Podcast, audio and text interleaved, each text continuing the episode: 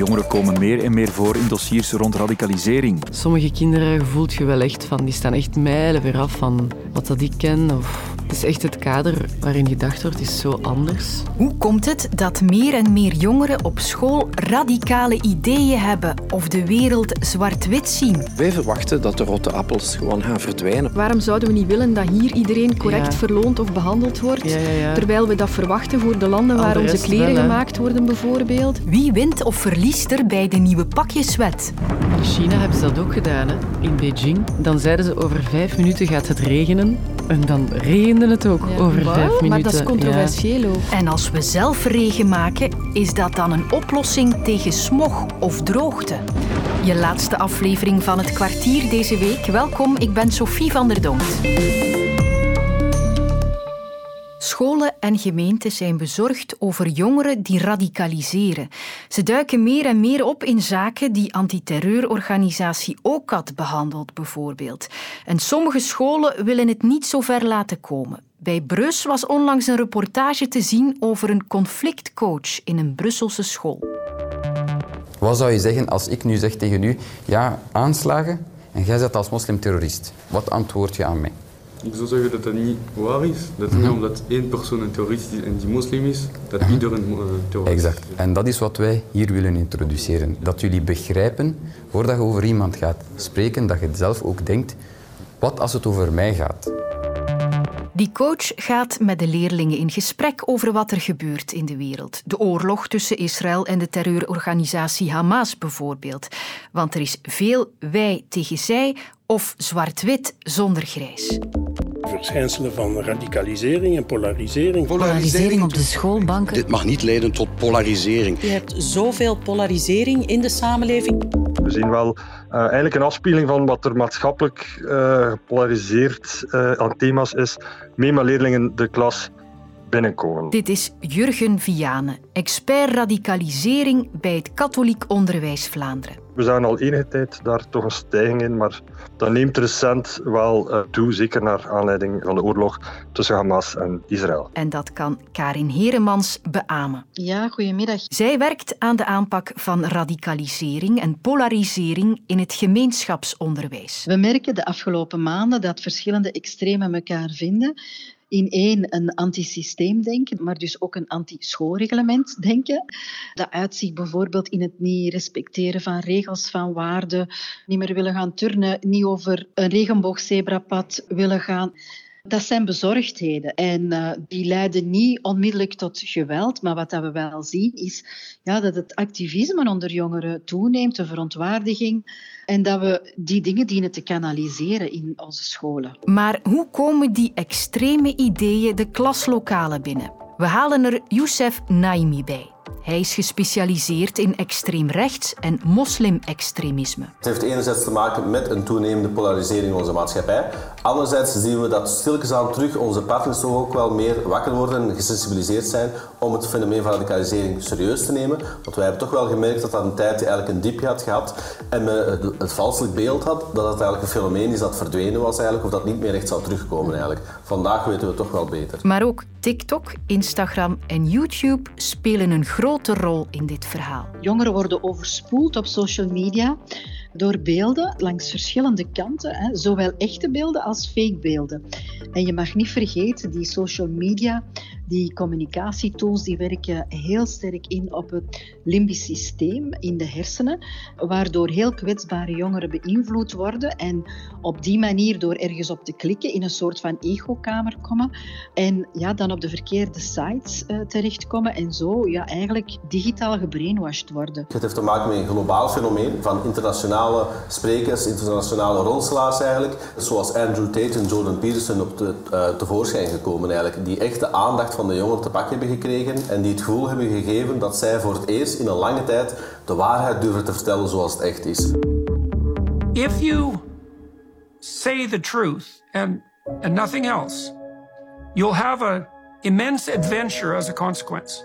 You won't know what's going to happen to you, and you have to let go of your clinging to the, to the outcome.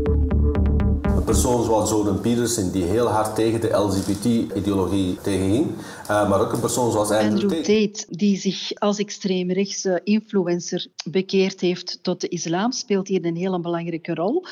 En uh, focust heel sterk op die hypermasculinity en die onderdanigheid van de vrouw. Dus jongens die niet meer naast meisjes willen zitten, zo van die dingen. Veel uitdagingen dus, maar hoe moeten we dit probleem oplossen? In het gemeenschapsonderwijs zetten wij heel sterk in op positieve identiteitsontwikkeling, waar we jongeren proberen een positief doel te geven in het leven en waar we die, die zorgwekkende narratieven proberen te counteren via uh, kritisch denken, via mediawijsheid. Wij zijn niet meer in een periode waarin dat we jongeren gewoon een bepaald verhaal kunnen vertellen en verwachten dat ze daarin meegaan. Jongeren gaan vandaag het debat opeisen in de klas, op school en in de maatschappij. Willen dat er naar hun argumenten geluisterd wordt en willen echt een diepgaande discussie over die verschillende levenswijzen en gaan niet meer het accepteren dat hen iets wordt verteld van bovenhand. Zij eisen die grondige debat van heen en weer, interactie van discussies eigenlijk. En dat is waar het onderwijs heel erg voor op moet gaan inzetten. Als je er nog meer over wilt weten, het programma Ter Zake op VRT Canvas gaat er dieper op in.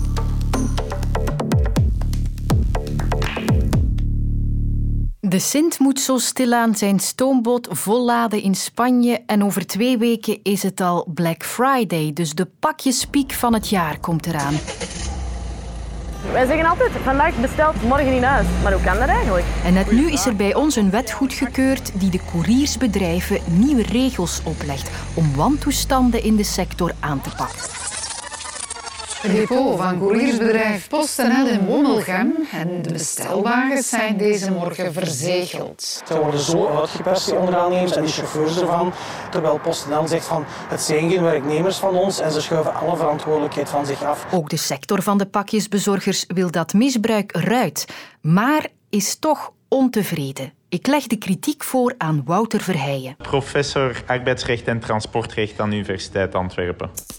Hij werkte als expert mee aan de nieuwe wet, want voor de zelfstandige pakjesbezorgers is het op dit moment niet altijd leefbaar. Ja, zoals ik aan mijn dochter soms zeg, als ik aan de oudste 4 euro geef om een pakje te gaan bezorgen, zij geeft aan de middelste 3 euro en de middelste geeft aan de jongste 2 euro die het pakje dan gaat bezorgen. Ja, dat is de situatie waarin sommige pakjesbezorgers zitten, dat er maar een fractie van de pakketkosten naar hun doorstromen eigenlijk. En wat je dan ziet is dat ze eigenlijk rijden totdat zij een leefbaar inkomen in het beste geval hebben.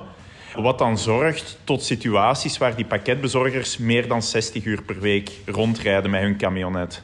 En ja, je kan je afvragen, is het wenselijk dat in het drukstedelijk verkeer iemand meer dan 10 uur per dag achter het stuur van zijn camionet zit? Dat gaat dus veranderen. Ze zullen nog maximaal 9 of 10 uur per dag mogen werken en opgeteld niet meer dan 56 uur per week.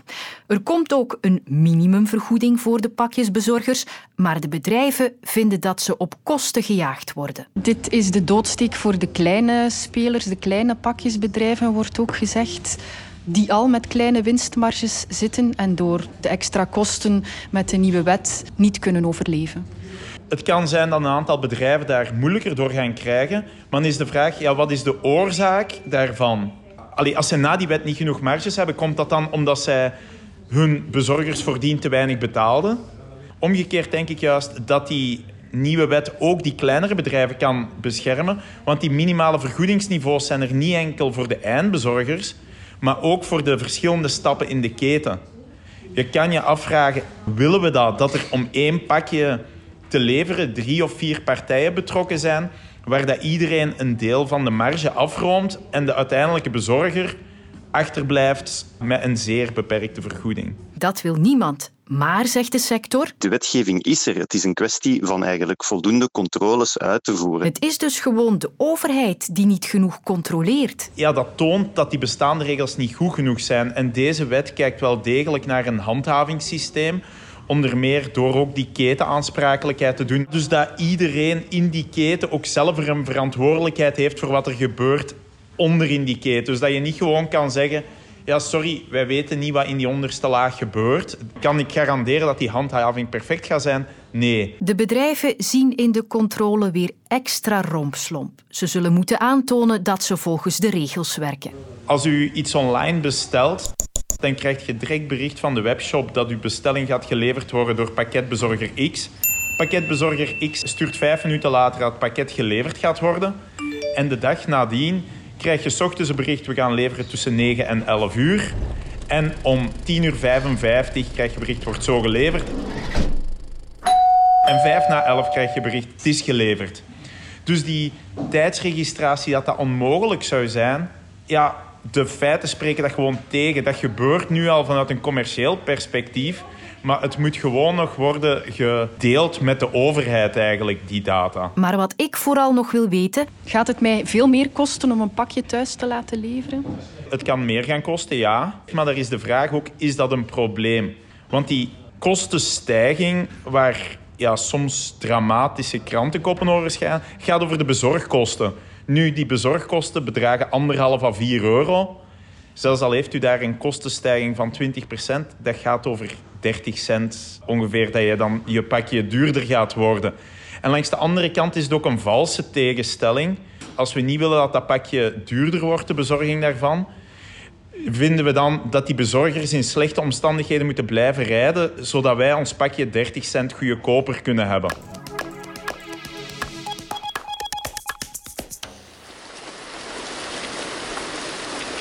In de Westhoek hopen ze na de wateroverlast nu vooral dat het stopt met regenen, maar meer dan 6000 kilometer van hier in New Delhi smeken ze om wat regen.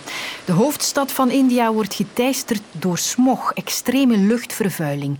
En sommige inwoners willen hun kinderen liever elders laten opgroeien. I think uh, we are not doing to do justice to our children by staying here in future because they will not have a healthy environment. New Delhi is een van de meest vervuilde steden ter wereld. Op bepaalde plaatsen kan je niet verder kijken dan een paar meter voor je, want het gordijn van smog is gigantisch. Een stevige regenbui zou die smog kunnen wegspoelen, maar die regen zit er niet aan te komen en dus willen wetenschappers het heft in eigen handen nemen. Ze willen het zelf doen regenen met een techniek die cloud seeding heet. Kunstmatig regen opwekken. Hallo. En Lore Kraaien, industrieel ingenieur biochemie, heeft die techniek zelf al grondig onderzocht. Cloud seeding is eigenlijk een weersmodificatietechniek uh, waarbij men eigenlijk via het gebruik van vliegtuigen of drones dragermaterialen in een wolk gaat aanbrengen. Wolken bestaan eigenlijk grotendeels uit waterdruppels. En wat moet gebeuren is dat eigenlijk een waterdruppel heeft een bepaalde drager nodig om op te binden, zodat het eigenlijk omgevormd wordt tot een ijskristal. Dat kristal groeit en wanneer het zwaar genoeg is, zal het onder invloed van de zwaartekracht naar beneden vallen. Dan heb je eigenlijk een verschil in temperatuur en verschillende luchtlagen, waardoor dat je ijskristal eigenlijk uiteindelijk omgevormd wordt tot regen. Kort samengevat, met een vliegtuig of een drone strooi je een bepaalde stof op de wolken, waardoor het gaat regenen.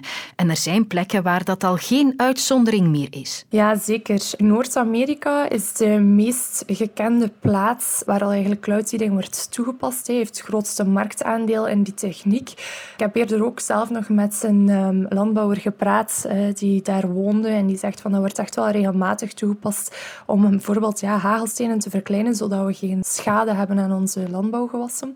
Maar daarnaast ook de Verenigde Emiraten en China zijn ook twee landen die dat uh, frequent toepassen. Het gaat eigenlijk ook voornamelijk in, in de Verenigde Emiraten vaak om droogte, waar ze eigenlijk toch echt wel die extra regen willen gaan induceren. Multifunctioneel dus, maar is het ook echt een goede oplossing tegen droogte en smog? De techniek werkt wel. Natuurlijk, of dat een goede oplossing is, hangt ook een beetje af van de gevolgen ervan. Vaak wordt die techniek ook uitgevoerd door het gebruik van zilverjodide, wat toch wel een chemische verbinding is die niet zo milieuvriendelijk is. Er is heel veel oneenigheid over de impact van zilverjodide, want dat is eigenlijk een schadelijk molecuul. Dat is niet positief als dat in uw waterlopen um, terechtkomt. Maar dat is eigenlijk een stof die die in het geval van cloud seeding heel regelmatig uh, terugkomt. Maar het is wel een feit dat als je dat gebruikt om regen te induceren, dat dat inderdaad neerkomt op de aardbol en terecht kan komen in de waterlopen dat dan mee uitspoelt met de regen.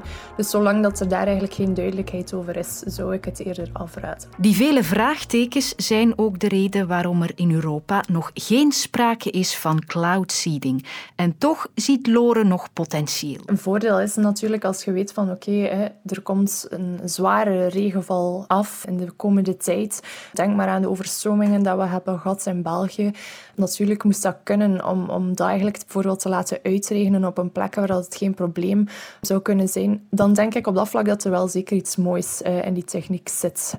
Maar voor nu is er inderdaad nog heel wat duidelijkheid nodig, onderzoek, zodat we echt wel alles goed verstaan. Hoe dat het werkt en, en uh, de complexiteiten van en de gevolgen eventueel. Dat is dus nog niet voor morgen. Goed of slecht weer, wij zijn er maandag terug. Peter van de Veire praat met bekende Vlamingen terwijl de zandloper genadeloos loopt, zoals het leven. Maar wat als je één moment uit je leven kan terugdraaien? De verrassende antwoorden hoor je in de podcast Peter van de Veire en de Zandloper op VRT Max.